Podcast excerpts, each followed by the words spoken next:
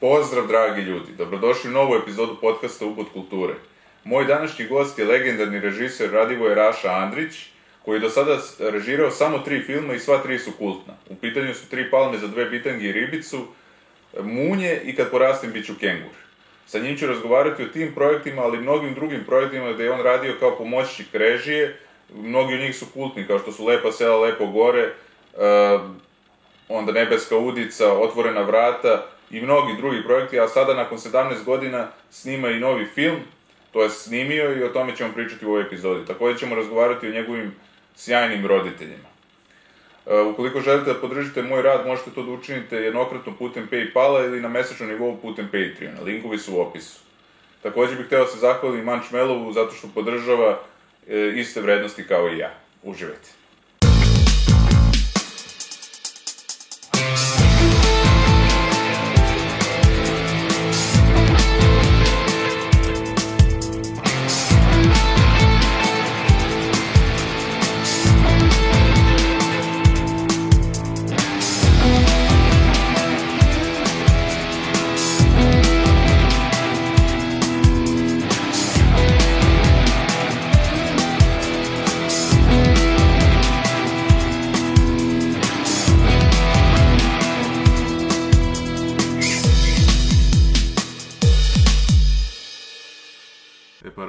Dobrodošao, hvala ti mnogo što si došao. Hvala tebi.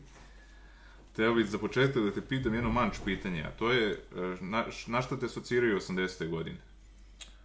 Pa, ne znam, to je ono kao verovatno najbolji period mog života, jer tada sam, na samom početku 80-ih sam imao 14, znači završena je osnovna škola koja je malo smaranje i počinje sad ono kao ulaziš u veliki život i tada sam sredinom 80-ih krenuo, ajde tako kažem, da se probijam kroz gradsku scenu i ja sam bio poznat u gradu, mislim poznat, relativno poznat u gradu pre nego što sam postao reditelj. Znači ja sam prvo postao, da kažemo, gradska faca, nisam baš bio gradska faca, ali sam se družio sa mnogim gradskim facama, pa tek onda sam postao u stvari ovo kao poznat za širu publiku. Mnogo je teže mi bilo probiti se u tom gradskom miljeu, nego, to je uglavnom noćni život, nego, nego ovaj, ovo poslo.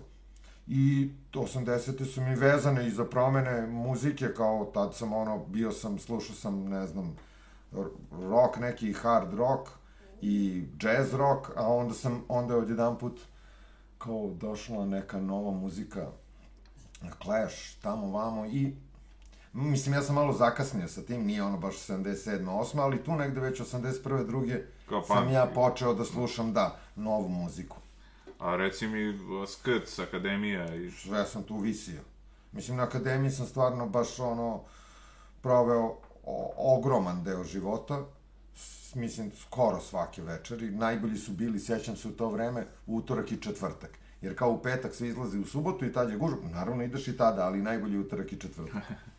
Eto, zanimljivo.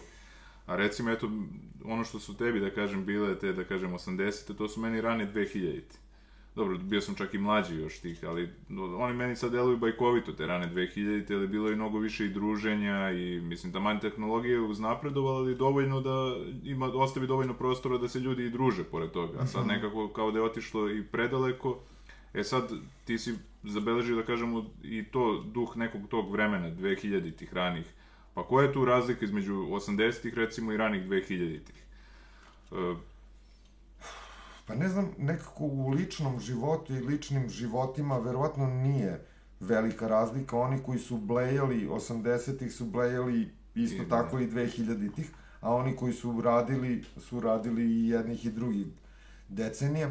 Ra, postoji razlika zato što ali ja to gledam stvarno samo iz ličnog ugla. Ja sam ipak ostario kao između 80-ih i 2000-ih i nisam više bio taj. Ja, Da. ja već tamo 2000-ih nisam više izlazio baš svakog, svake noći do kao 6 ujutru, nego svake treće noći do 4 ujutru. da, da, da. Tako da se to ipak menjalo i menjala se muzika, ja sam se uspevao da se nekako zakačim uvek sa nekim malim zakašnjenjem na sve nove muzike sa zakašnjenjem sam se ukačio i na rap, sa zakašnjenjem sam se ukačio mislim, cela zemlja je imala kašnjenje sa, sa tehno muzikom, pošto nas je rat omeo kao uvek muzika ili dolazi sa zapada, prvo stigne u Ljubljanu, pa u Zagreb, pa u Banja Luku, pa u Beograd, pa na kraju u Sarajevo. Aha. Tako je za sve muzike bilo. Tako je, ali nas je rat umeo u prodoru tehna. Pre, pre rata je tehno stigao negde do Banja Luke i onda je Aha. krenuo rat i pa sam i tu, pa sam i taj talas uhvatio.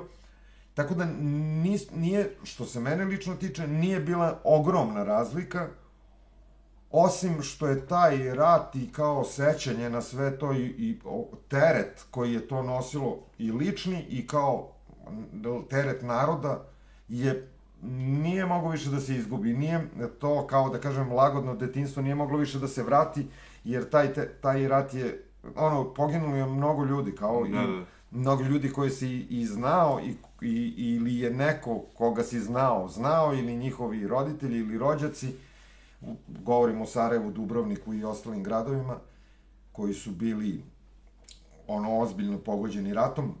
I onda ovaj nije to više bilo isto. Kao mnogo je krvi, kad bude mnogo krvi, onda posle toga kao Ništa. prosto, da.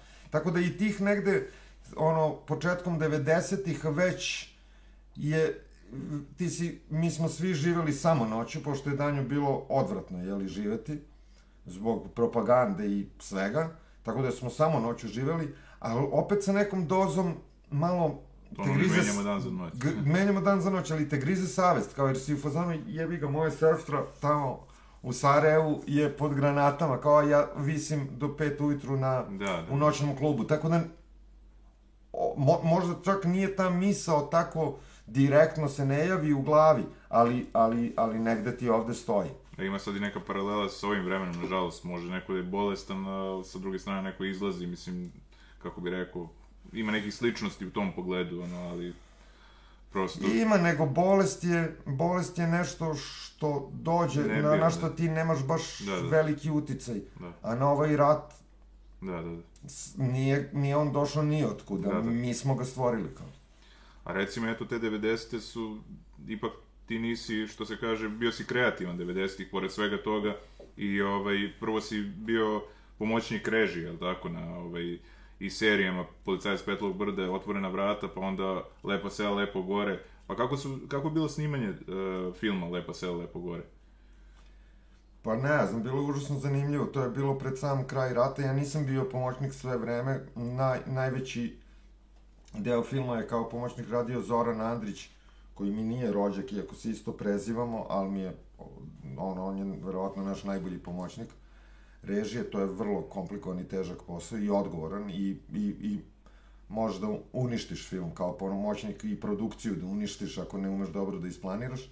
On je bio, onda, onda sad se ne, ne mogu da se setim da li, da li se produžilo snimanje, pa on više nije mogu ili su se posvađali oni producenti, uvek se to dešava, jeli, u takvim ogromnim stvarima, naravno da ljudi moraju da se svađaju, nekad taj svađa eskaliraju pa kao dođe do raskida i da ja sam došao da ga zamenim. Tako da sam ja bio recimo, ja nisam siguran, dve ili tri nedelje samo pomoćnik, međutim, nekako mi se zalomilo, to se često dešava u filmovima da se komplikovane scene u planu snime, pošto se film ne snima po redu, jel? Da, da, nego da. kao prema lokacijama ili prema obavezama glumaca, prema vremenu, vremenskoj prognozi i tako dalje, zato je to i komplikovano sve isplanirati. Te neke teške scene i komplikovane su bivale odlagane kao, jer nisu bile spremne, nije bila spremna pirotehnika ili šta god.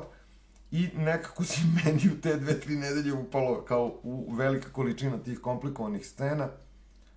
Ali sam se dobro držao, mislim i ekipa je bila super i Srđan je bio stvarno super.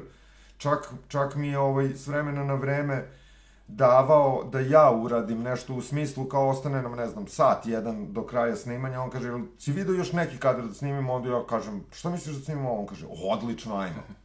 Ili kažem, nemam pojma, sve si snimio.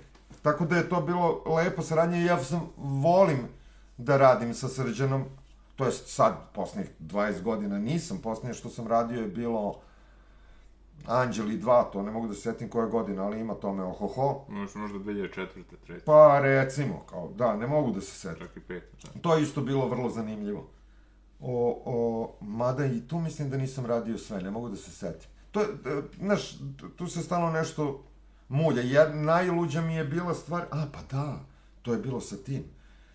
Ja sam, trebalo je da radim nastavak serije za B92 Mile protiv tranzicije. I zove me Ivan Živković koji je reditelj i koji je tada bio pomoćnik kod Srđana i kaže mi, znaš šta, mi se stalno svađamo na snimanju, Dule, direktor fotografije, Srđan i ja, i, ovaj, i, i neko mora da ode. Kao ne, mož, ne može ni Dule ni Srđan, znači ja moram da odem. Jel hoćeš da mi dođeš da me zameniš? Ja kažem, pa ne mogu čoveče spremam seriju. On kaže, ja ne znam šta da radim, ja ne znam šta da radim, to je strašno, mi ne, uopšte ne možemo dobro da radimo, stalno se nešto raspravljamo i svađamo. Ja kažem, dobro, hoćeš ti da režiraš ovu seriju i ja tamo da idem da budem pomoćnik? On kaže, hoću. I tako sam, valjda sam jedini na svetu koji je dao režiju da bi bio pomoćnik. Pa eto, tebe dosta dugo nije bilo, sad si režirao ovaj film, ali nije da te nije bilo u filmskom svetu, nego jednostavno nisi potpisao režiju, nego si bio pomoćnik režije ili si radio na serijama i... Pa reci mi, posle te 90, to je bilo 95, ili tako, lepo sve, lepo gore? 90, to je bio sam kraj rata, da. Da, da.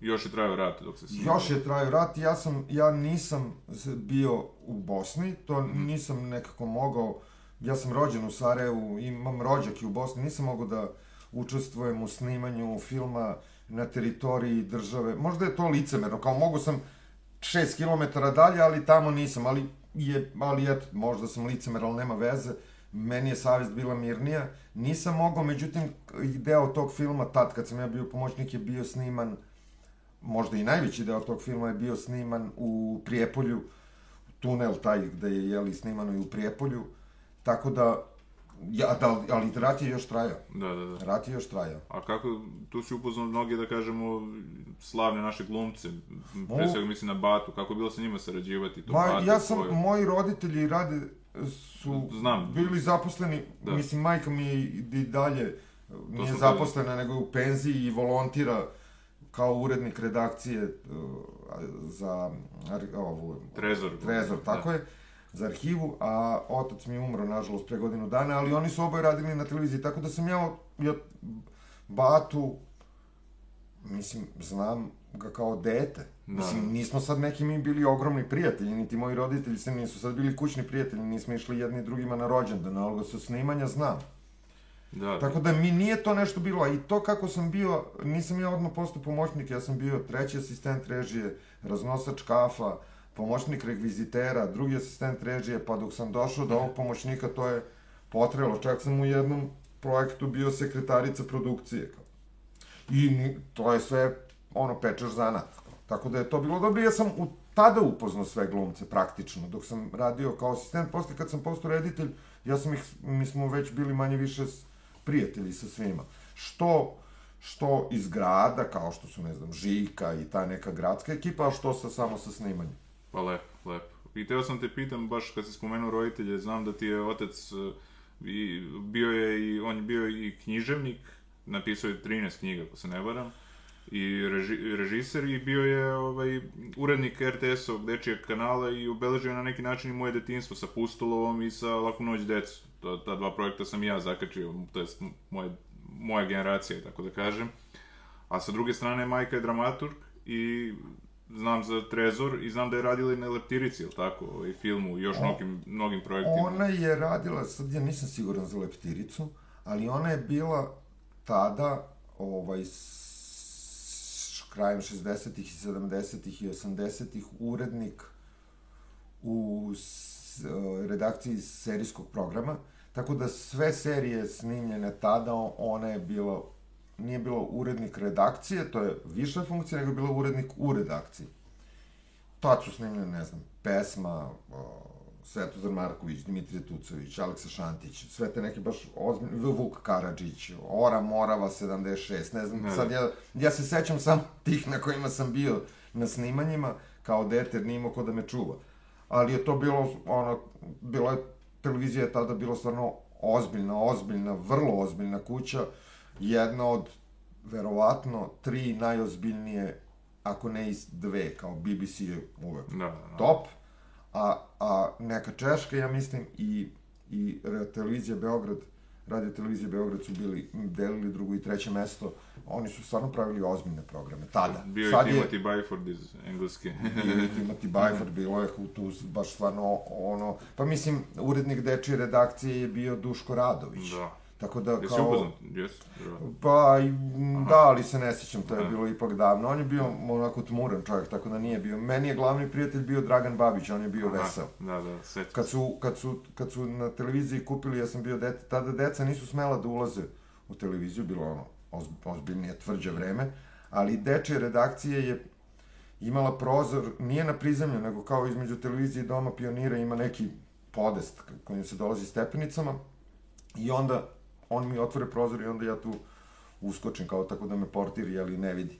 Igram se na Tašmajdanu i onda kad mi dosadi mi, m, da uđem kod Ćaleta u redakciju i onda je tu bio Dragan Babić i onda su dobili ovaj, na televiziji one stolice sa točkićima, ja to nikad ranije nisam vidio i to je bilo genijalno, kao trotinet, uhvatiš se za naslov, staviš koleno na, na ovo i ovom nogom se guraš i onda Dragan Babić i ja smo se jurili, oni hodnici, dugački, ravni, mermerni, genijalno, Dragan Babić, koliko znam, on je... pokojni ste. Da, da, da.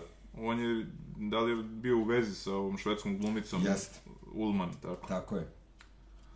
Da, Tako, da. je, ali on, ali manje više što je bio u vezi sa glumicom, nego on Da, bio bio stvarno... veliki novinar, da. Ba da, i Da. te emisije Dvogled koje on radio, to je bilo stvarno ba bajno. Da, da, da. A reci mi, eto, tvoja majka je uspela da, da kažem, da sačuva od zaborava mnoge stvari, na primjer, ja mislim da, on, da nije bilo nje, da možda ne bi čovjek mogao da odgleda nijedan intervju s ovim nekim starim piscima, tipa sa Andrićem, sa Mešom Selimović, to je sve nešto po 2-3 minuta, 5, ali bez toga bukvalno ne bi bilo nikakvog, da kažemo, svedočanstva o tom vremenu. Tako da ona radi baš neki, da kažemo, rudarski posao i izvu...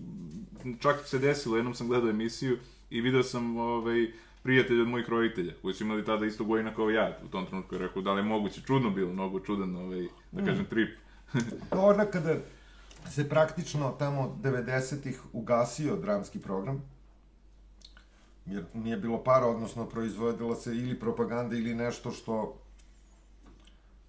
ne da je daleko od umetnosti, nego je daleko od, mislim, i nečeg što nije umetnost, nego aj samo pristojno pričanje priče, tako da tak, i ona nije, ona bi, nije bila ni na političkoj liniji, u jednom trenutku je čak bila na crnoj listi, pa je bila otpuštena s televizije i tako dalje i tako dalje. Pa su je vratili posle 5. oktobra. Inače, išla je sa demonstratima 5. oktobra, otišla, moja majka, otišla je, kad, kada je videla da će da napadnu demo, demo, demonstranti televiziju, i ona je bila u fazonu i treba da je napadnu, ovaj, valjda neće, a ne mogu sad da je otpuste u penziji, ovaj, i treba da napadnu, nego samo tamo je naša istorija, tamo je arhiv, kao, Da, da, da. nego nek spale sve, samo arhiv ne, i idem ja da sačuvam arhiv, i ona je otišla u demokratsku stranku, tamo i, i tražila nekog da je daju, onda su oni rekli, o, evo ti zastavu, nosi zastavu i onda je pratilo jedno 200 demonstranata i onda kad su, kad, je upal, kad su ljudi upali na televiziju, ona je napravila stražu sa tim demonstrantima, tako da je arhiv ceo sačuvan, inače je postojala mogućnost da sve to Da, da. što je i preostalo izgori, jer tokom Miloševićeve vladavine, kako smo bili pod sankcijama, a, pa nije, nisu mogle da se uvoze baš strake koliko je trebalo, a trebalo je snimati Miloševića sednice i šta god sve je trebalo, tako da su mnoge stvari brisane i to je zastrašujuće. Neke stvari, ne, ne, nekoliko Bajforda, na primer, Da. ne postoje više, jer su u to vreme izbrisani. I tad je moja majka sa, sačuvala tako što je mažnjavala s televizije, odnosno presnimavala na beta kasete koje je dobijala od nekih prijatelja i donatora i mi smo godinama spavali, ja imam brata i sestru, mislim imam još jednu sestru nego sa bratom i sestrom i majkom sam živeo, spavali smo ovaj, ono kao uh, do tri reda beta kaseta, pa dušak, pa ona tome spavaš kao. I to je dugo tako stajalo i to je mal, manji deo to je bilo po stanu, u stanu sakriveno da ne bi se presnimilo, jeli? I posle ono to naravno sve vratilo. Ovaj, a deo je bio po nekim podrumima i prijatelja i, i tavanima i, i tako. Ona je, ona je žena koja nije, ne može da, da stane sa poslom i kad je kao kad je prestalo da se snima, onda je ona rekla, aha, ne može da se snima, dobro, sad ću ja ovo da popišem i da sačuvam. Pa da, pa sjajan posao radi, zaista, ono, često mi se desi ono noću nešto, uključim TV i vidim neku njenu emisiju i stvarno Ma mislim... i blago je. Blago, blago. Mislim, naravno, toga ima mnogo, Da. i, i, ali je uglavnom sve blago, kao. I to je, to je ono kao kad kažu srpska istorija. To je srpska istorija. To je Da. ozbiljan deo srpske istorije. To je 50 godina srpske Kako istorije. ne, Kao. da. Treba, treba to čuvati, tako da. I više, skoro 70 godina srpske istorije. A reci mi, sad bi se vratio na snimanje filmova, dakle, prvi film koji, gde si ti bio režiser je Tri palme za dve bitange ribice, tako? Jeste. I pričali smo pre podcasta da ti je na neki način problem da daš naslov filmu ili... Jeste. Ne umem, prosto ne umem to da nisam, nisam dobar u tome i s tim što to ne vidim kao problem, problem bi bio da ja mislim da znam, a da ne znam. E, da. Ali pošto ja uglavnom kad nešto ne znam, ne, ne, nemam ne, nije me sramota da kažem ljudi ja to ne znam. Ovo ne znam, nije me sramota. I sad jedan mladi reditelj koji mi je bio asistent na e, seriji koju sam snimao, e, je bio u jednom trenutku nešto, ja kažem, on me gleda šokirano, ja shvatim i kažem mu posle, provalio si da reditelj, pošto u školi te uče da kao reditelj mora sve da zna. Ne mora. Ne mora, kako može sve da zna? Mislim, znači ne možeš sve da znaš, znači morao bi po tome da se praviš da znaš. To je, to je užasno, to ne valja nikako. I on je, ja kažem, naravno, pa kao samo priznaš, ne znam ljudi, kao pomozite, ili dajte mi vremena da naučim. A reci mi kako si došao na ideju za...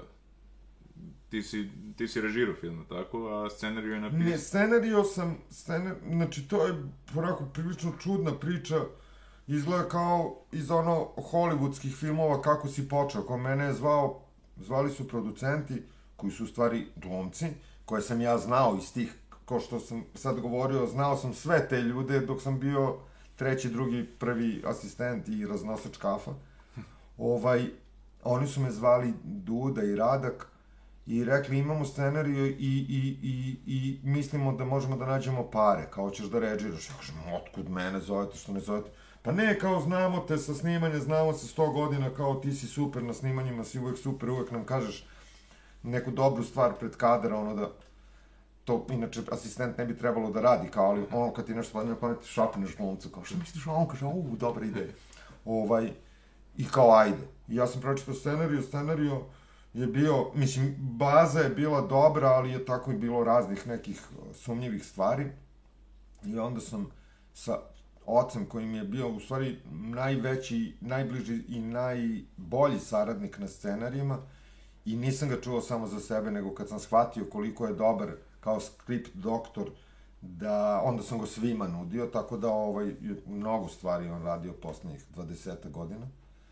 I onda sam s njim sedeo celu jednu noć, ja mislim i ceo jedan dan i pričali smo priču. Ja njemu pričam, on meni priča, ja njemu pričam, on meni priča i onda smo od tog scenarija, nije to novi scenario, to je isti scenario, ali smo ga mi sve smo ga ispremeštali. Mislim, u originalnom scenariju svi ginu na kraju.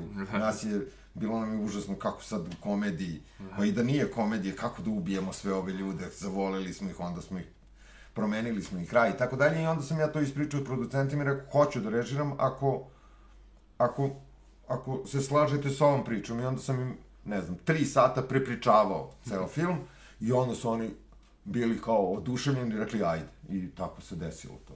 A kako je bilo snimanje, kako Snim- je atmosfera bila? Pa snimanje je bilo super, mislim, to mi je, moram da priznam, kao u stvari najskuplji film koji sam radio. To je jedini film koji sam radio filmskom trakom, 35 mm, to je. To se sad nigde više ne radi. Sledeći film sam radio digitalnom betom, to je recimo 14 stepenika, ono nizbrdo. Ovaj, drugo, imali smo, gradili smo onu neku banku u studiju, kao nikad ni za jedan više film nisam imao ni da prismrdim studiju, a kamoli da nešto sagradim u studiju. Tako da je to bio u stvari najozbiljniji film koji sam radio. Nije te trake bilo mnogo, morali smo ono da kao vežbaš, vežbaš, vežbaš, pa onda snimiš da ne bi potrošio mnogo metara trake, jer je skupo bilo i bili smo pod sankcijom. I bilo je, ne znam, bilo je smešno i zanimljivo sve to zajedno, jer tad si morao, a, naše laboratorije nisu, ra, naše laboratorije, ne, dve, su, nisu radile, nije, nisu mogle da se uvezuju hemikalije i kad dugo te stoje mašine, one zaribaju i moraju da, tako da smo morali da nosimo materijal u Grčku, pa je to neki privremeni izno, izvoz, pa ti kad odneseš materijal, pošto je privremeni izvoz, kad moraš da se vraćaš, ti moraš i da ga vratiš, ali ne možeš da ga vratiš jer ti je tamo ostana da se radi na njemu. Onda ti oni tamo u laboratoriji daju neke svoje reslove da ti na, naguraš one role pa vratiš role, naravno ovi carinici ne mogu da provole šta je baš unutra, koji je film. Mislim, to je sve bilo onako štap i kanap, najluđi, ali je bilo, bilo je dobro. Jesi zadovoljan bio na kraju ono s rezultatom? Ja sam bio, ne, ne, ne znam, ja sam bio toliko uplašen na toj premijeri. Mislim, video sam ja da film u montaži, sedeo sam prvo sam jako dobrim montažerom, nažalost pokojnim Markom Glušcom, on je relativno, kao, kao on relativno mlad. On je radio, on mi je radio sva tri filma, ovaj četvrti, nažalost, nije mogao. Ovaj, s njim sam radio tako da, mislim, i, i znamo se dugo i, i drugo, kao bili su tu još neki ljudi, svraćali su mi u montažu, znaš, ono, gledali smo, I videlo se da je to dobro, funkcioniše, nije dosadno, kao i smeješ se s vremena na vreme, uf, super, kao nije dosadno i smeješ se. Ali opet ti obraćaš pažnju vratno na greške i to. Ali da, dobro, to sad naravno. Ali dobro, to je, ima nekih skoro studentskih scena, ono, sumnjivih, mm. ali nekako nisu dugačke pa prođe. Kao, mi smo na svu sreću tad i u montaži i Marko je dovoljno oštar bio, govo, govorili, mislim, da, ova scena je kao možda tebi draga, ali si očajno snimio, daj da je izbacim ili da je skratimo na užasno kratko. Tako da, a ja sam ipak kao naučio u toj školi na akademiji da je film timski radi to kao prvo i, i najosnovnije pravilo, da moraš da slušaš ljude, ne da ih slušaš s pola uveta, nego da ih slušaš, pa da razmisliš, pa da prihvatiš ili odbaciš. I na kraju ispalo dobro, ali na premijeri sam bio Ne, ja se uopšte toga u stvari ne sećam, samo se sećam kao u jednom trenutku Radak sedi pored mene i kaže mi, a, ja kažem, šta je? Pa svi se smeju.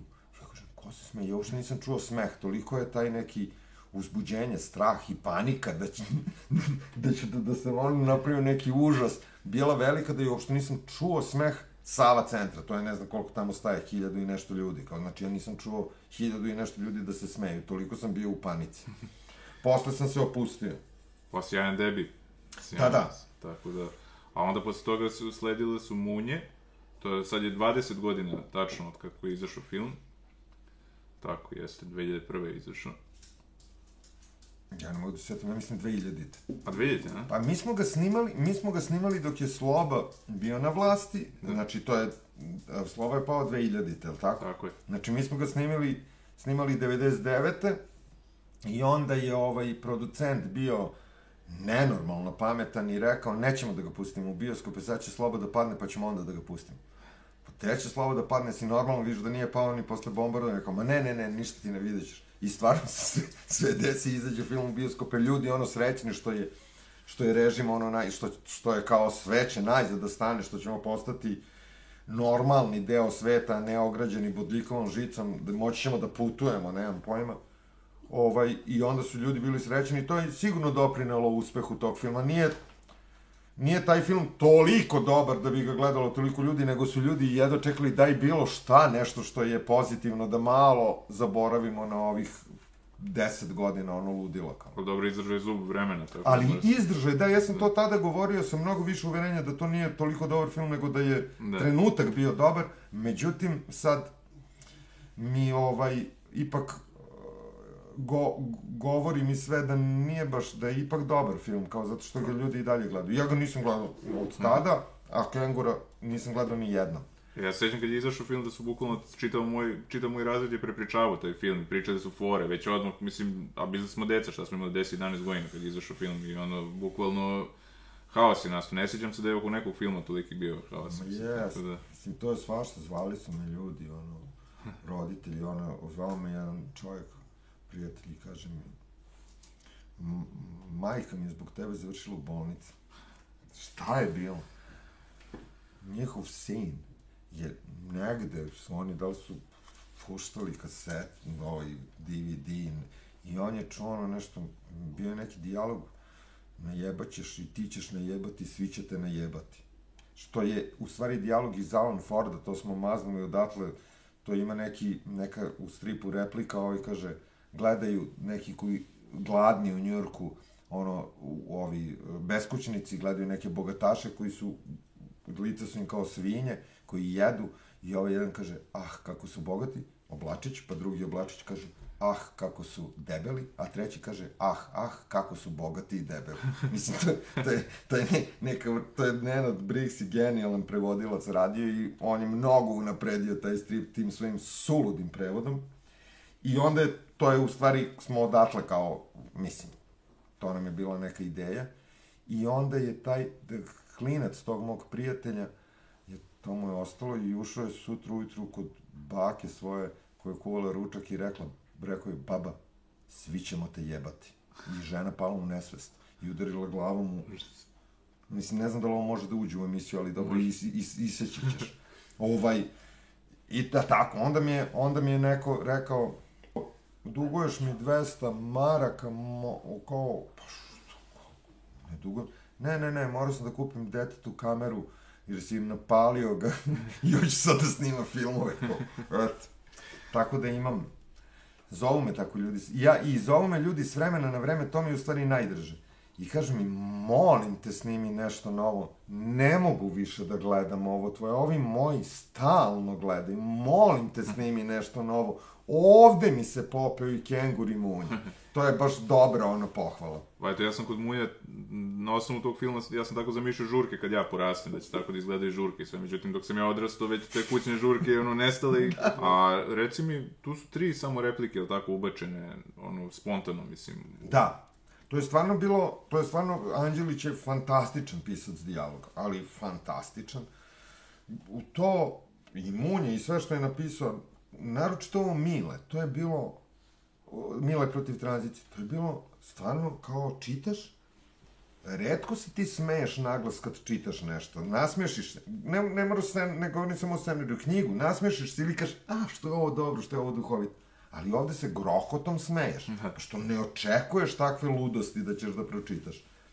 I on je stvarno dobro pisao i mi smo dugo radili na tom scenariju, jer kao, e, kao, ajmo ovo, ajmo, pa onda mi nešto malo radimo, ne znam, dva, tri mesec ili, ili dve nedelje, nije važno, onda kao nas odvede život dalje, idemo, izlazimo, idemo po žurkama, onda posle šest meseci, kao, ej, ajde da se vratimo onom scenariju, možda možemo da nađemo pare, daj da ga pročitamo, onda pročitamo, onda uključimo sa ovih što nam se desilo, pošto smo se tad družili, nismo samo bili pisac i reditelj, nego smo non stop izlazili. Onda kao, ej, se sećaš one večeri, aj ubacimo ovo, aj ubacimo ovo, i tako se to punilo, punilo, punilo. I onda je na kraju dobro, dobro ispalo, zato što je u stvari manje više sve što je u filmu malo iskrivljeno ili malo pojačano se desilo. Da li nama dvojice, da li nam je neko priča.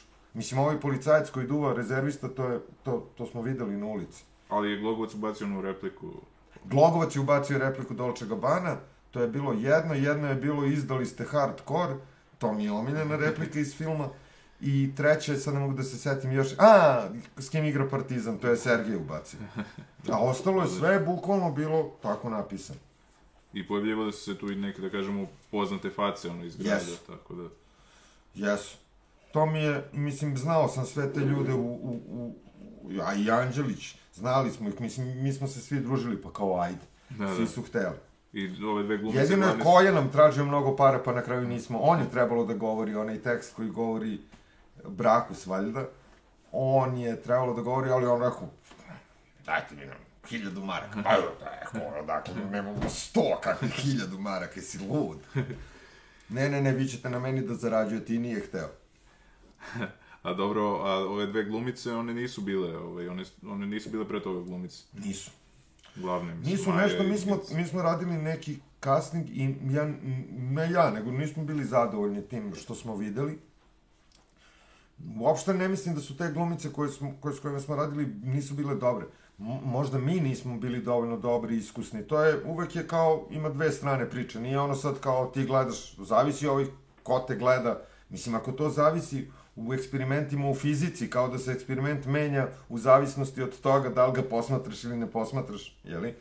Ovaj, onda se tek ovo kad je interakcija između ljudi je velika, velika stvar. I onda kao ni, nismo bili nešto zadovoljni i onda ovu, o, ovu o, o, jednu glumicu, Milicu, glumicu, je rekao Sergij, ja upoznao sam jednu devojku koja radi za šankom u jednom kafiću, kao ajde probamo nju. A Cvije je rekao, ima i moja komšinica tu jedna, jako je slatka, ajde, ajde probaš nju. I tako smo probavali razne, i, a njih dve su upalile. Da. Pa i... Mislim, u tim podelama mnogo zavisi, kao i u futbolu, ti možeš da imaš ono kao vrhunskih 11 igrača, ali da, da timski oni ne, ne funkcionišu. Znači, Dovoljno ti, je jedan da ne valja i... Pa da, tako da, je, tako da je bitno da ti napraviš grupu koja funkcioniše zajedno. Uopšte ne moraju da budu svi vrhunski igrači. Ja sam čak u ovim munjama ovaj, s vremena na vreme Sergiju i Bokiju govorio da glume lošije. Glumite lošije zato što su ipak oni profesionalni glumci i pojedu ove devojke, a, a nije njihova scena, nego je scena od devojaka. I onda kao ja njima kažem, da malo glumite lošije da one dođu do izražaja, onda oni kažu, a, dobro, dobro, i onda glume lošije. A to je bila anegdota sa Sergijom, nije tada vozio El kola i... Čovek je uspeo, to je... I sad se iznerviram kad pomislim, on je uspeo da se sudari sa vučnim, on, znamo mi da on ne zna da vozi i znamo da nije normalan kao. I, i uzmemo vučno vozilo, onu krutu rudu od metala, šipku i njegovo vozilo. I on je uspeo da se sudari uprkos toj krutoj rudi sa vučnim vozilom. Kako? Niko ne zna. Slomio je ovo. Strašno. I posle toga ga zovu u Ameriku da snima u Spike Lee-ovoj produkciji film u kome igra šta? Taksistu. Ja mu kažem, čoveče, si im rekao da ne znaš da voziš? Nisam. Posle, recimo, dve nedelje od kad je počelo to snimanje se javlja i kaže, slupao sam auto. I oni nisu pederi ko vi da su se drali na mene i, i govorili mi da sam idiot, nego su mi samo do, dovezli na set novi auto. Ja ću ovde sad da ostanem, vi ste debili, kao odmah ste se ne ljutili na mene što sam slupao auto. Eto. Pa bilo je veselo, koliko vidim baš na snimanju, ovaj... Ali Pa dobro, ne, to veselo je kada ovako pričaš, Da, a da. tad, slomljen auto, propade nam noć snimanja, mi onako ne, nemamo nikakvih para, objekte smo nalazili tako, dešava se film noću na ulicama, a mi nemamo para za rasvetu, znači ne možemo da osvetlimo te ulice, nego tražimo ulice koje su već osvetljene, ili ona benzinska pumpa, ili to, to je sve samo zbog toga da ima svetlo. I tražimo ulice koje nemaju dubinu, nego su kao ili čo, ono, čorsokak, ili su T ulica raskrsnice, nema dubinu, nego kao osvetliš samo tu jednu fasadu, pa to je to. A i to nemamo para da platimo elektrodistribuciju ili agregat, nego od sceno, scenograf ima zahtev da nam nađe ulice te koje imaju kraj, koje nemaju dubinu, u kojima nekog znamo. Ali kako ja da znam koga vi znate? Nemam pojma, snaći ćemo se. I onda kao našli smo jednu idealnu ulicu da snimimo jednu scenu, ali nikog ne znamo. A to da nekog znamo znači da nam uključi u, kućnu struju šteker i da mi osvetlimo bar jednim reflektorom nešto. I kao tu smo i kao sve je dobro, ali ne znamo nikog. Nilazi Ljuba Tadić. I kao, aj, deco tamo, ja, Ljubo, ta. Pa ja ovde stanem, ja, možete da nam date struju? Mogu, ho- hoćete odmah? Ne, ne, to snimamo tek za mesec dana, na primjer, javit ćemo. I stvarno nam je čovjek dao, držali su celu noć, on i njegova supruga otvoren prozor, kabel iz njegovog stana i još nam je njegova supruga kuvala neke kafe i ne znam šta. strava. I to je tako snimljeno, stvarno ono, totalna gerila. I mesec dana je trajalo snimanje ili... E, ne mogu da se setim, ali je trajalo kratko. Da, da. Trajalo kratko, jer, jer najskuplje na snimanju su, jeli, dani snimanja, tako da je to trajalo, trajalo što je brže moglo. Mesec noći. Mesec noći, da. Dobro, neke stvari, ono što je interijer, mi zamračimo prozore, pa kao kobijagije noće, u Da. stvari nije, ali, ali je uglavnom mesec noći, da. Pa eto, makar ljudi iz mojeg kraja su se ložili na onu repliku, imam, imam zajebane ortake sa banjice, pošto ovaj, znam da je bila ta replika i... To je verovatno Marko Banićević koji je sa Banjice, Da, da, koji da, nam je da, bio u tom filmu. On je i glumi u filmu i bio mi je, on mi je pomagao da uradimo izbor muzike ovih demo bendova, jer kao bi ideja nam je bila da budu samo demo bendovi u filmu, ali onda nam je producent rekao, i nama je ideja da ne bude glumaca u filmu, nego da su sve naši ortaci, ali producent je rekao, kako ja to da prodajem, ste vi normalni, ajde da se nađemo na pola, nek budu dva glumca, a dva nisu. Nek bude pola bendova, demo, ili dve trećine, a jedna trećina koje, za koje je bar neko čuo. Jer kad smo mi rekli kao koji su bendovi, on je rekao, ja ne znam ni jedan. Kao. Odlično ispala muzika i posle je postala, mislim da kažemo, i ona kulturno neko dobro, da kažemo. Pa jeste, da. Tako da. I neki bendovi su se u stvari, e, ne znam da li su se probili zbog tog filma, ali im je sigurno film pomogao Da, da, kako ne. Kako da ne. ono krenu. I film je pogledalo oko 560.000 ljudi, jel tako, u bioskopima, posle toga. Da, tako nešto. Što je za to vreme bilo, i za ovo je vreme ozbiljno, Pa jesu, to je ogromna cifra, Da. da. Svaka čast. I onda posle toga e, usledio je Kengur, jel tako? Jeste. I to- On je došao, Jedan poziv menja sve, jel taj princip bio? taj ne, taj došao stvarno, isto je tako bio vrlo, vrlo, vrlo čudan početak. Mi smo radili, posle Munja smo drndali, drndali, drndali, tražili scenarije, tražili scenarije, to jest ja sam tražio scenarije, tražio re, re, re, re, re, re. Nisam uspevao, bavili smo se nekim scenarijom koji je rađen po drami Zlat, Zla, Zlatana Fazlagića koja se igra još uvek u ateljeu 212 ljubavno pismo. I to smo nešto prerađivali, prerađivali, ali nismo nikako uspeli da se izborimo sa tom pričom. I onda mi se javi Mića, koga nisam nešto mnogo dobro ni znao i rekao, ej, napisao sam neki scenariju, kao ja uglavnom radim ono, više kao radim drame, nego aj da vidimo, ono, aj pročitaj samo kad budeš imao vremena, da vidiš da li ima smisla uopšte kao ovim da se, da se bavim kao. I ja kažem, ja hoću naravno, ali ne mogu da stignem i u nekom sam poslu tamo. Međutim, taj posao bude otkazan i on mene recimo zove, to je bilo u sredu, pošalje mi, ja u četvrtak kako je otkazan posao pročitam, pre podne. Oduševim se, pošaljem producentu Milku koji je producirao i Munje i Lepa sela i tako da. Proš, pošaljem mu, on pročita i odmah mi se javi, tog popodneva pročita, javi mi se uveč i kaže snimamo. ja javim se Mići i kažem, e, ovaj, imamo producenta, snimamo film. Čovjek potpuno bio šoku, znači dan kasnije, a ja mu rekao, neću čitati, a on mi je dao, ajde vidiš da li uopšte Da. da, se bavim ovim ili da se ja držim pozorišta. To mu je vjerojatno bio najsrećniji dan u životu. I na kraju se stvarno desilo, pa da, posle kao smo morali da menjamo, taj film se zvao, naslov filma je Novi Beograd. Onda Milko nađe sve ovaj, za džabe objekte u kojima ćemo da snimamo na Voždovcu. I onda mi kažemo, pa dobro, ali kako je bi ga film se zove Novi Beograd? On kaže, pa nema veze, ne, nema problema. Nađite vi za džabe objekte na Novom Beogradu, pa ćemo snimati tamo i zvaće se Novi Beograd. Mi naravno, kako mi da nađemo za džabe te, te lokacije, nego se na kraju snimao na Voždovcu i to je to. Tako da Mić je bio nesrećan zbog toga, što je kao ne zove se Novi Beograd, odnosno, uh, da. On je trebao neki da lokal patriotizam da... tu- Da, da, da, da. Ali, mislim, svejedno je, svaki kraj je u stvari sličan. Kao možda je različit žargon, možda je raz, različiti su fazoni neki, ali u mom bloku, ja sam isto s Novog Beograda, je bio fazon kao kad smo igrali one sličice, ako onaj štos sličica koji Da, da. držiš, ako ne držiš dovoljno čvrsto, ako ti neko izvuče, nema ljuti, što ga nisi držao dovoljno čvrsto. I onda se to nastavilo sa parama. Znači, Aha. meni se dešavalo sa godinama unazad, ja u prodavnici ni na trafici nešto kupujem i neko sam, neki ortak mazno mi one pare iz ruke, kao ništa, njegove su. Takav je, tako je pravilo, kao. Zanimljivo. Kao što nisi, moraš da budeš baja, drži čvrsto to što je tvoje, kao. A s druge strane ti si išao u 12. gimnaziju, tako? Išao sam u 12. gimnaziju. Pa, Pa, tu da, bio sam, snima. mislim, menio sam te gimnazije, bio sam i u desetoj, i u p, p, petoj, i na kraju te poslednje dve godine u 12. tu mi je bilo super. To je bilo divna gimnazija, divan razred. Tako smo se našli i dalje se vrlo Strava. često družimo, iako je dobar deo rasut po svetu. Ovaj, tako smo se divno izvlačili iz te škole, tamo smo uhvatili da radimo neke pozorišne predstave, pa smo radili kao za a decu profesora novogodišnju predstavu, znači uopšte nismo bili u školi, samo smo se ovaj, zevzečili, kao, i išli u kinoteku i, i, i nalazili alternativne načine kako da uđeš u pozorište, da gledaš predstavu, a da ne platiš kartu.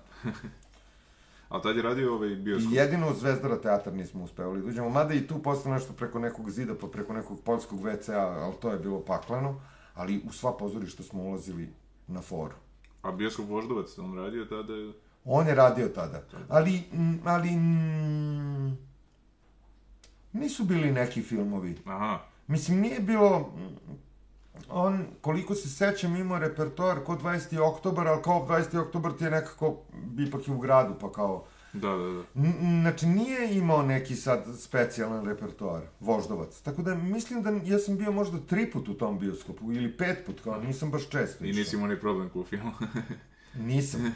Nisam, a, ne, ne, ja sam, ono, baš sam visi u kinoteci, gledao sam sve, gledao sam, ono, poljske filmove sa češkim titlom, znači ništa ne razumeš, ali nema veze, kao, gledaš pa kao.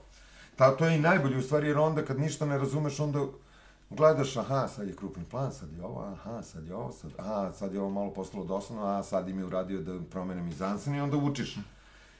Ovaj, tu sam, tu sam baš visio. I Cvija je na kraju dao ime filmu, tako? Kenguru je Cvije dao ime. Da, Kenguru je dao Cvije ime, munje su bile munje, tako ih je nazvao Mjehur, a, a ovim tri palme dao ime Cvele, asistent montaže. Asistent Marka Glušca. A Cvije je vidio neki naslov u novinama, tako? Cvije je vidio naslov u novinama, kad porastem bit ću divac, je neko, neko dete reklo. I on je došao sa tim naslovom i rekao, šta mislite da se zove kad porastem bit ću kengur? I ja sam bio oduševljen. Pošto tako je, jer naravno kao ti kad vidiš taj naslov, odnosno vidiš plakat, pa čak i kad vidiš da K od kengur piše velikim slovom, Da. Znaš, zamišljaš ipak Čekaj, kako kad kako porastem se- bit ću da, kengur, kako da, to? Da, da. A to mi se jako dopalo zato što je moja sestričina koja je izbegla iz Sarajeva, pa je živjela sa nama jedno vreme, a onda pošle su našli stan. Ali u svakom slučaju, kad su one krenule i u školu o, ovde, u Beogradu, ovaj, onda je, ja, neko je pitao, šta ćeš da budeš kad porasteš, ona je rekla, policijski pas. Ili valjda bi bila neki crtani film ili nešto sa nekim policijskim psom i to je... I sad je meni to bilo toliko divno što dete misli da može da kad poraste da postane pas.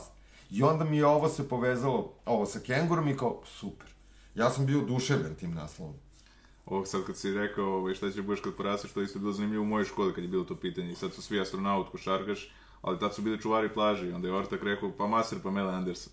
I ovo, učiteljica, ono, zgrožena vam ne bila je, rekao, to nama nije bilo ništa novo, znajući njega, ali, tako da, eto. A reci mi, to snimanje kengura, je li to trajalo duže nego munje? Uh, ja ne mogu tačno da se setim, sigurno je trajalo duže, jer čim imaš mnogo glumaca u jednoj sceni, a ona kladionica je bila baš puno glumaca, tu mnogo vremena odlazi.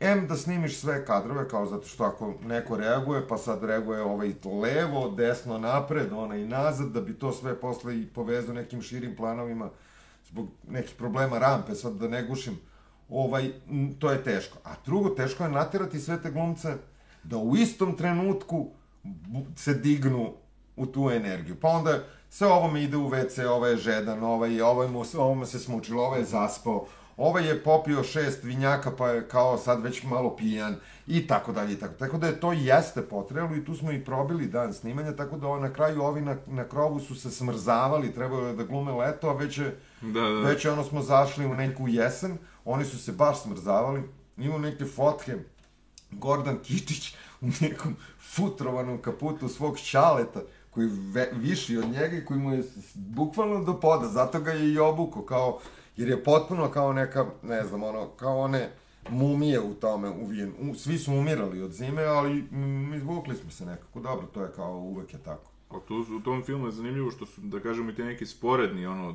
likovi postali kultni, ono, mislim, i vamo na krovu, a dvojice, Hibrid i Avax, i Sumpor, i možda ne, da li se očekivalo da će svi baš biti toliko, da kažem, da će se svačije replike toliko u narodu, Pa do, i taj scenarij je jako, Miće isto odlično piše scenarij i on je stvarno fantastičan scenarista.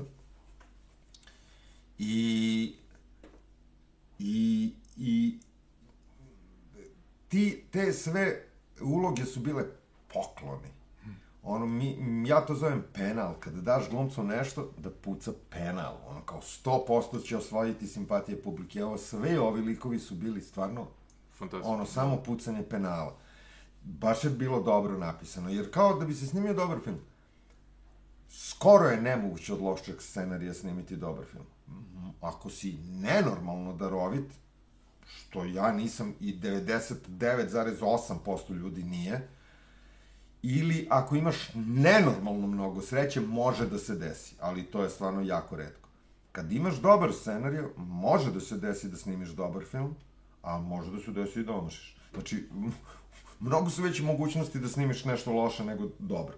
Ali ovo je bio stvarno dobar scenariju, na kome takođe smo radili i Miće i ja i moj otac, pokojni Vladimir. Uh, taj je scenariju prvo bio tri odvojene priče kao Omnibus. Aha. Kao što je on posle snimio onaj film s uh, sedam i po o, o da, grehovima. Da, da, kao Noć na zemlji. Kao Noć na zemlji, da. ali smo onda, i mene malo su nervirali Omnibus, jer ti kao kreneš da gledaš film, pa kraj, pa onda počne novi, pa da. kraj, pa počne novi, pa kraj. I onda sam mislio da moramo da to u, u, uvežbujemo i onda smo radili na tome što smo uplitali te priče i preplitali. Kao to je bilo, to je bio rad na scenariju, ali je bila ideja da sačuvamo što više, da ostanu sve replike, da ostanu svi zapleti, da ostanu svi odnosi, zato što je to bilo stvarno dobro napisano, samo je sama struktura meni se čini da gledaocima bi bilo malo uh, uh, uh, a hteo sam da ide ovako, da, da, da. kao što svaki film treba da bude da te zalepi za stolicu i da te drži. Mislim, ovaj nije baš da te zalepi za stolicu, ali te drži. Da, da, da. Pa ne, mislim, to je film koji čovjek može da pogleda, ne znam, 50 puta bez problema, mislim, tako da ono, a da ne bude dosadno. Ne znam, ja ga nikad nisam odgledao, ne računajući naravno montažu, zato što ovaj, potpuno je suluda priča i ta. Zato što je tad se, se radila, još nije postojao, sad se pušta sa nekih DCP-eva, to su digitalni format, tad su još postojale ove filmske Aha. kopije na traci, tako se vrtalo u bioskopima. I pre nego što izađe ta master krajnja ono, kopija koja će ići u, u bioskope, koji se pravi recimo 10 ili 20 komada, se radi neki taj poslednji kao mastering gde se sve spaja i slika i zvuk i Dolby i neki inženjer dolazi, to nije moglo da se radi kod nas jer nije bila tehnologija dovoljno razvijena i radilo se, ja mislim, u Mađarskoj. I ja pitam kao, pa će da ide neko tamo kao da proveri to kao da li će sve da se vidi i čuje što treba da se vidi i čuje. Oni kažu, ma ne, to je automatski proces, nema tu što da se proverava, ti vi ste sve uradili, samo uživajte. I kao, dođu te kopije, idemo mi na novinarsku neku, kao, kao spajamo kontrolnu projekciju sa novinarskom projekcijom, dođe četvrta rolna, nema šumova, i cent, pošto je ono 5-1 zvučnici, nema šumova ovih glavnih. Znači ti čuješ sa strane, ali ne čuješ ovo što, što vidiš. Do toga da radio koji je u kadru, ovaj koji oni slušaju na krovu i u krupnom planu i far ide unazad, mi treba da čujemo sa tog radija i to neke važne informacije za dalji razvoj radnje. Nema toga. I dalje nema. Mislim, niko nije... Aha. Svi ste gledali film da, da, da. takav. Aha. Zato što na kraju je bilo producent mi kaže ja nemam 20.000 maraka da platim novih 20 kopija ili 10 kopija. Ja kažem, znam. Šta da radim? Puštaj ovako. Tako da je otišao film koji nije tehnički ispravan. I svi ste gledali film koji nije tehnički ispravan i ne znate to i nije ni bitno realno, pa nije, ali meni je bitno. Da, da. Ja sam izašao sa te četvrte rolne, ali sam poludeo i nikad nisam odgledao film. Mislim, više nego posle tog, te, tog rada u montaži. Ja sam posljednji put pogledao u avion, bio neki duži let ja, i ja jeste, rekao... u avionu. da. I, I baš vidim, rekao Munje i Kenguru, rekao ajde, on, nisam ih dugo gledao. Avion, i... Da, do Amerike. Da. A reci mi, ti si u to vreme negde jeli, snimao i Mila proti tranzicije. Da, e, mi smo Mileta snimali iz nekoliko. Ja, ja jedino mogu da tvrdim za ovaj prvi serijal, on, oni su nama tražili 92-ka. Odnosno Veran. I rekao, aj nešto smislite vas dvojica, prvenstveno Srđan koji je duže na 92-ci, tamo je bio zvezda, praktično Mjehur Ubica, je ono, voditelj programa. Ovaj, daj nešto za novu godinu, nešto smislite, nešto šaljivo. Kao. I, i ovaj, Mjehur smisli da, pošto je tema bila da se 1. januara menje marka u evro, pa kao sad taj mentalitet i to sve, i sa cvijom nešto, i snimimo mi, to je bio jedan skeč. I to su oni, zvali su i gledalci i reprizirali su, ne znam, jedno 50 puta u sledećih 5 dana. I onda ovaj, je Veran rekao, dajte, dajte, dajte, sad, dajte još nešto. I onda je to, znači, to je bila godina kada je menjan marka, u, kada je nemačka marka Aha, prestala da postoji da. i pretvorila se u evro. Ranije ovde um, umesto dinari nikad nisu bili baš najglavnije platežno sredstvo, nego su bile marke, jer je stabilniji kurs. I onda je kao to bila tema. I to je znači te godine. I posle toga, sad da li posle godinu, dve, da li posle pet smo snimi, mi smo na kraju, ja mislim, jedno, istrali jedno četiri neke sezone tog Aha. Mileta. Nisam ja sve radio, već u drugoj sezoni sam delio sa Ivanom Živkovićem. Jednu sezonu je on sam snimio, to je ovo kad sam ja preuzeo da radim Anđele 2. I onda ovu poslednju sezonu smo verovatno opet zajedno, da, opet smo zajedno radili. I sad smo i ovaj neki kao nastavak Ujka protiv Ujka, Novi horizonti, i to je isto radio takođe, ali smo tu uključili još mnogo reditelja jer je bilo 30 epizoda i to je bilo previše epizoda, tako da nisu baš sve uspela, ali tu je televizija pogrešno ovaj, procenila da da tražila nam je prvo 20, a onda 30 i to je ogromna razlika. Jeste, da. Pa, dobro, i Munje su kao neki novogodišnji program trebali da bude. Da, i Munje, Munje su bile na godišnjem programu koje je trebalo da režira Boban Skerlić. I to je nešto propalo. I onda je u jednom trenutku, a ja, trebalo ja da budem pomoćnik, ja sam čitao i to je bio niz nekih skečeva, a između, koji su manje ili više povezani, a između su bili kao spotovi, kao neka top lista, ono, 10, 10 muzičkih spotova, a ovo je između spotova kao da bude nešto, ali da nije ono najava, nego da je nešto. I nije, i, i onda ovaj, je Mjehur, kada je to propalo, nekoliko godina kasnije rekao, sećaš se onoga novogodišnjeg? Pa to je bilo slatko, daj da probamo od toga da sastavimo neki kao film. Kao, pa, ajde. Tako je počelo. A reci mi onda posle Kengura je usledila pauza od 17 godina, međutim, što se tiče da ti budeš, rež- tvoje uloge režisera, da kažemo, da, da ti budeš glavni režiser, ali ti si bio pomoćnik režije i radio si nekim serijama koje nisu na kraju ovaj, ni izašle, je li tako? Ne, nisu, nisu nikad snimljene. Da. Mislim, ra, ono rad na scenariju je vrlo napor. Ljudi misle, ti sedneš kao napišeš i sad snimiš Da, da, da, đavola tog napišeš, pa onda vidiš mnoge probleme, pa druga ruka, pa treća ruka, pa recimo dođeš do neke 18. ruke. Da bi došao do 18. ruke, između svake ruke moraš da praviš pauze, da se odmoriš, da zaboraviš na to, znači to traje, traje, traje, traje, traje, traje. A kad je serija u pitanju, to je nije više onda 100 strana scenarija ili 90 strana scenarija, nego je, ne znam, 12 puta 40 strana, to je znači 500 strana scenarija. I dok to se radi, to se radi godinama. Tako da sam ja radio na jednoj seriji četiri godine, na scenariju za jednu seriju, pa nije uspelo, pa sam radio na scenariju za drugu seriju sledeće četiri godine, ili čak i više, pa ni ta na kraju nije uspela. Nije to odmah kao ti odneseš pa ne uspe, nego sad to traje, a odlično, ajmo ovo, onda dobijemo na konkursu, i na kraju ne uspe. Pa isto tako i sa drugom, a onda ta druga je bila za HRT u jednom trenutku, pa onda HRT rekao, mi sad vi se oslobodite svih obaveza svih koproducenata koji ste do sad našli, ovo je najbolje što smo ikad pročitali, mi hoćemo da damo 100% para. Mi kažemo, super, oslobodimo se svih producenata, tamo budu izbori u Hrvatskoj, promeni se vlast, promeni se vrh televizije i dođemo mi kod tih novih direktora. Oni kažu, malo smo se zajebali, ne možemo da vam damo 100%, možemo da vam damo 30. To je kod da su rekli, možemo da vam damo nula, pošto je to ništa. Tako da i to propalo. I to su onda, što se mene tiče, nisu uopšte to izgubljene godine. Ja sam se užasno zabavljao i oko jedne i oko pisanja druge serije. Ja ne umem da pišem, nego su to drugi ljudi radili, ali sam ja naravno učestvovao u tome. I to je bilo divno. I ja sam odgledao dve fenomenalne serije. Žao mi je što nisu mogli i drugi ljudi da ih odgledaju, Eto, šteta, nije bilo suđeno što se kaže. Nije. To sam radio, onda sam i režirao neke serije, ne, reklame sam radio i tako nekako pro, pro, Prošlo. ujalo Da. 17 godina, da. I evo sad smo došli do toga da izlazi tvoja nova serija i film. Da, ne izlazi baš nova serija, izlaze tri epizode Epizode. nove serije koje su pilot epizode, pa sad ako to bude Aha, gledano uspešno ako, ili ne znam ako televizija nađe pare, onda će se nastaviti. A fi, i to trebalo bi da Aha, o, da. Trebalo bi da izađe sad skoro, a film treba da izađe u, u, u sredinom ili u drugoj polovini februara 2022. a tu glavnu ulogu igra devojčica, tako? Jeste. Igra devojčica, tada je imala 12 godina.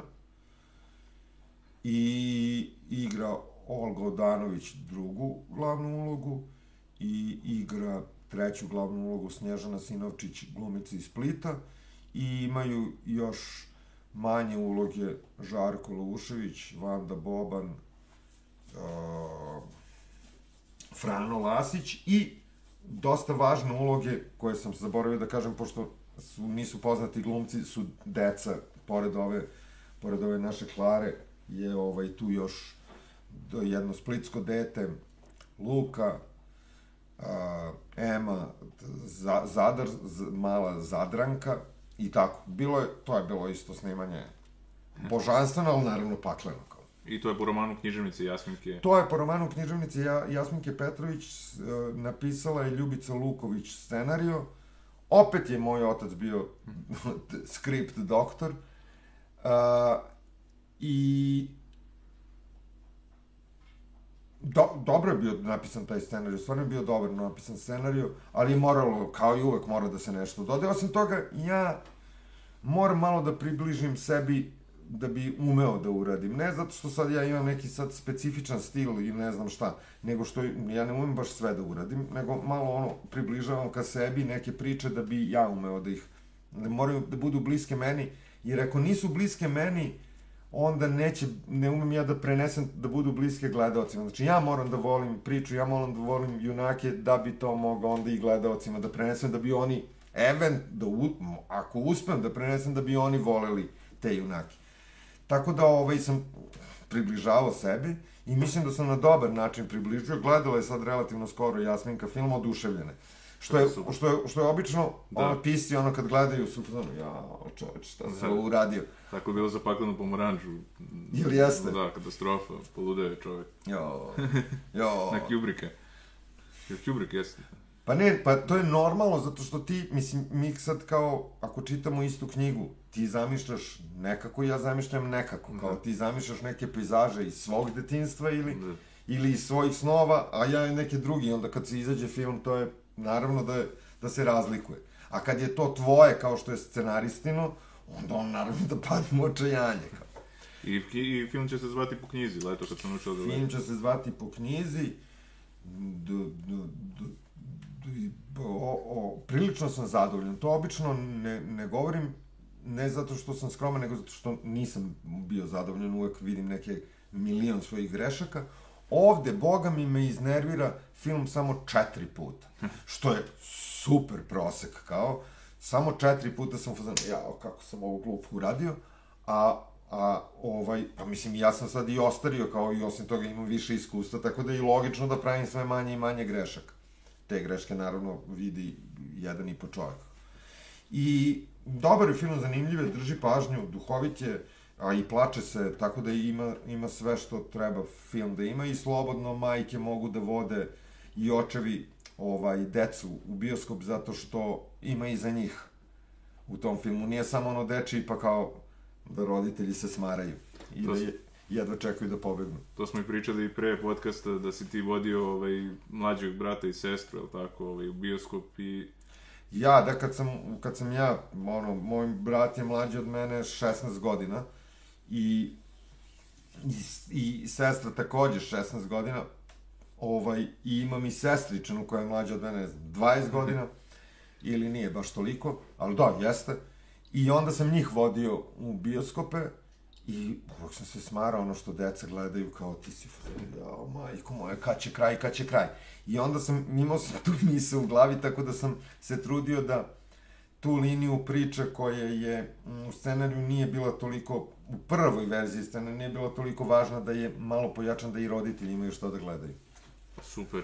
A reci mi, da li ti imaš neki omiljeni žanr koji voli da, voliš da gledaš? Da li su to komedije upravo ili... Ne. Ne. Ja najmanje volim da gledam komedije, volim da gledam bizarne komedije.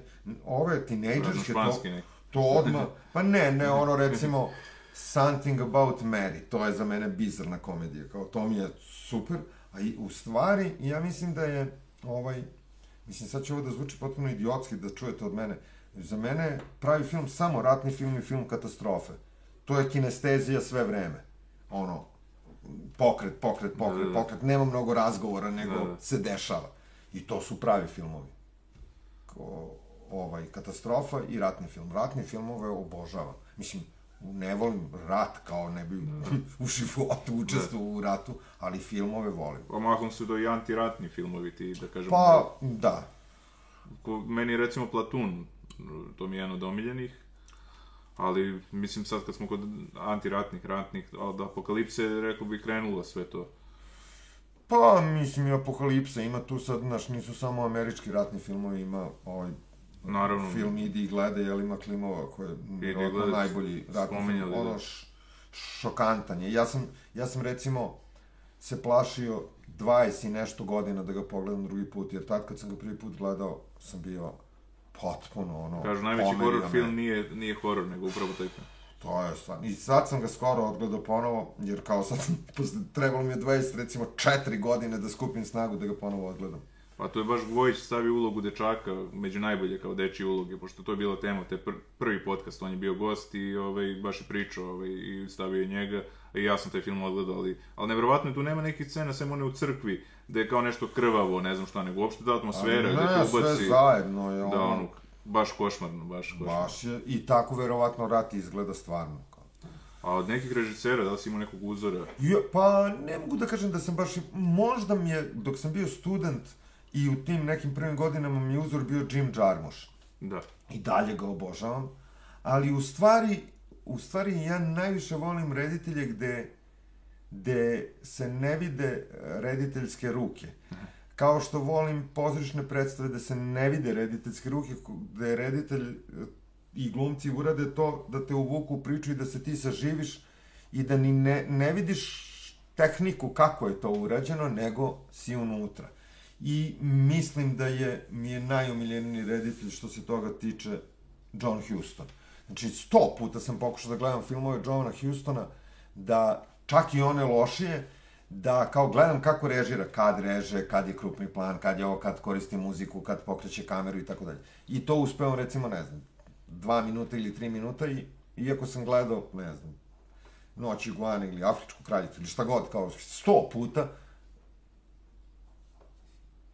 i završi se film i ja opet nisam gledao kako režira. Tako da ne znam kako John Huston režira. To su, rekli su za Afričku kraljicu da je to bila ovaj, isto smešna scena, da su se, ono, mislim nije smešno, ali sad kad se, pošto niko nije prošao loše, da kažemo, ovaj, da su se otrovali ljudi na snimanju, da su da. pili vodu, a samo je ovaj, Humphrey pio I, iz, i, iz- Houston. Da. I ona ima onaj film ovaj, o, o Clint Eastwooda, Crni, Beli lovac, Crno seme, to je u stvari film o snimanju filma Afrička kraljica, jer on je tu, Houston je otišao tu da lovi slonove, ostavio ekipu ono sedam dana ili deset dana, kao producenti poludeli, on tamo išao da lovi glavove ili slonove, pa se onda vratio na snimanje.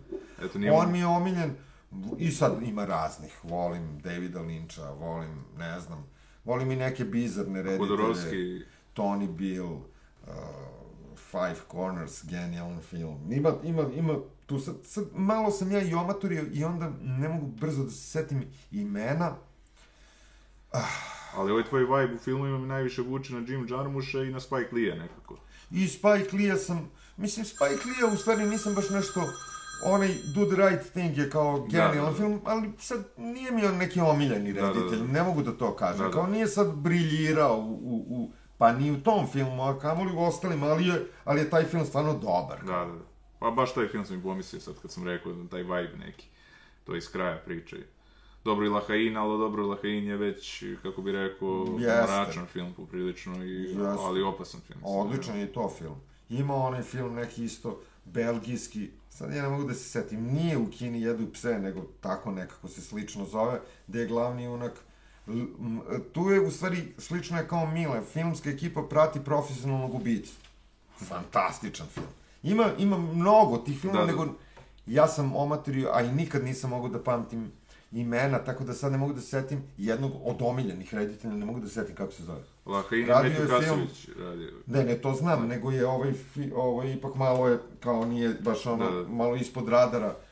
Oh, radio film koji se zove Amater, fantastičan, Simple Man, fantastičan, to je baš blesav reditelj. Uglavnom se bavi religijskim temama, ali su na sulud način. A si gledao skoro neki film koji te oduševio ili nešto? A, moj jutarnji smeh, domaći film. To svi kažu, znači.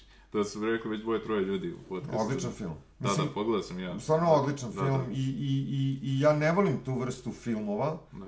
mislim ja ih lično zovem rumunski, da. ne volim ih, ne volim da. ih, ali ovaj da. ima taj neki nivo preko tog rumunskog filma da, koji duhovitosti i uopšte toliko dobar, da. toliko nežan i toliko dobar da te srce ono boli. Volim, volim dobre filmove, kao i ne pojavljuju se oni često, što je i normalno. Da, da. Pa serije su preuzele Volim primat. film, na primjer, nije srpski, ali koda jeste, ovaj, mislim, jugoslovenski je kod Amidža Idriza, isto tako Aha. nežan film. Na kraju filma svi pevaju, a cela publika plače. I pitaš, ja isto sam plakao, pitaš zbog čega plače, niko ne zna zbog čega plače, ali plače. To je, mislim, stvarno, znači, probuditi, kad ti film stvarno probudi nešto jako i veliko iznutra, to je dobar film. Kako ne, kako ne. E pa, Rašo, hvala ti mnogo ovaj, na ovom gostovanju i želim ti puno sreće sa novim filmom i da ne napraviš, tak, ne praviš više takve pauze od 17 godina i to mislim, tako da... Sad će mi treba biti potpuno još duža pauza, da se odmorim. Dobro, pauza, ali... I da šalim se... se, šalim se. I već spremamo nešto, pa sad, valjda će biti, ko zna. Hvala ti. Mi se gledamo.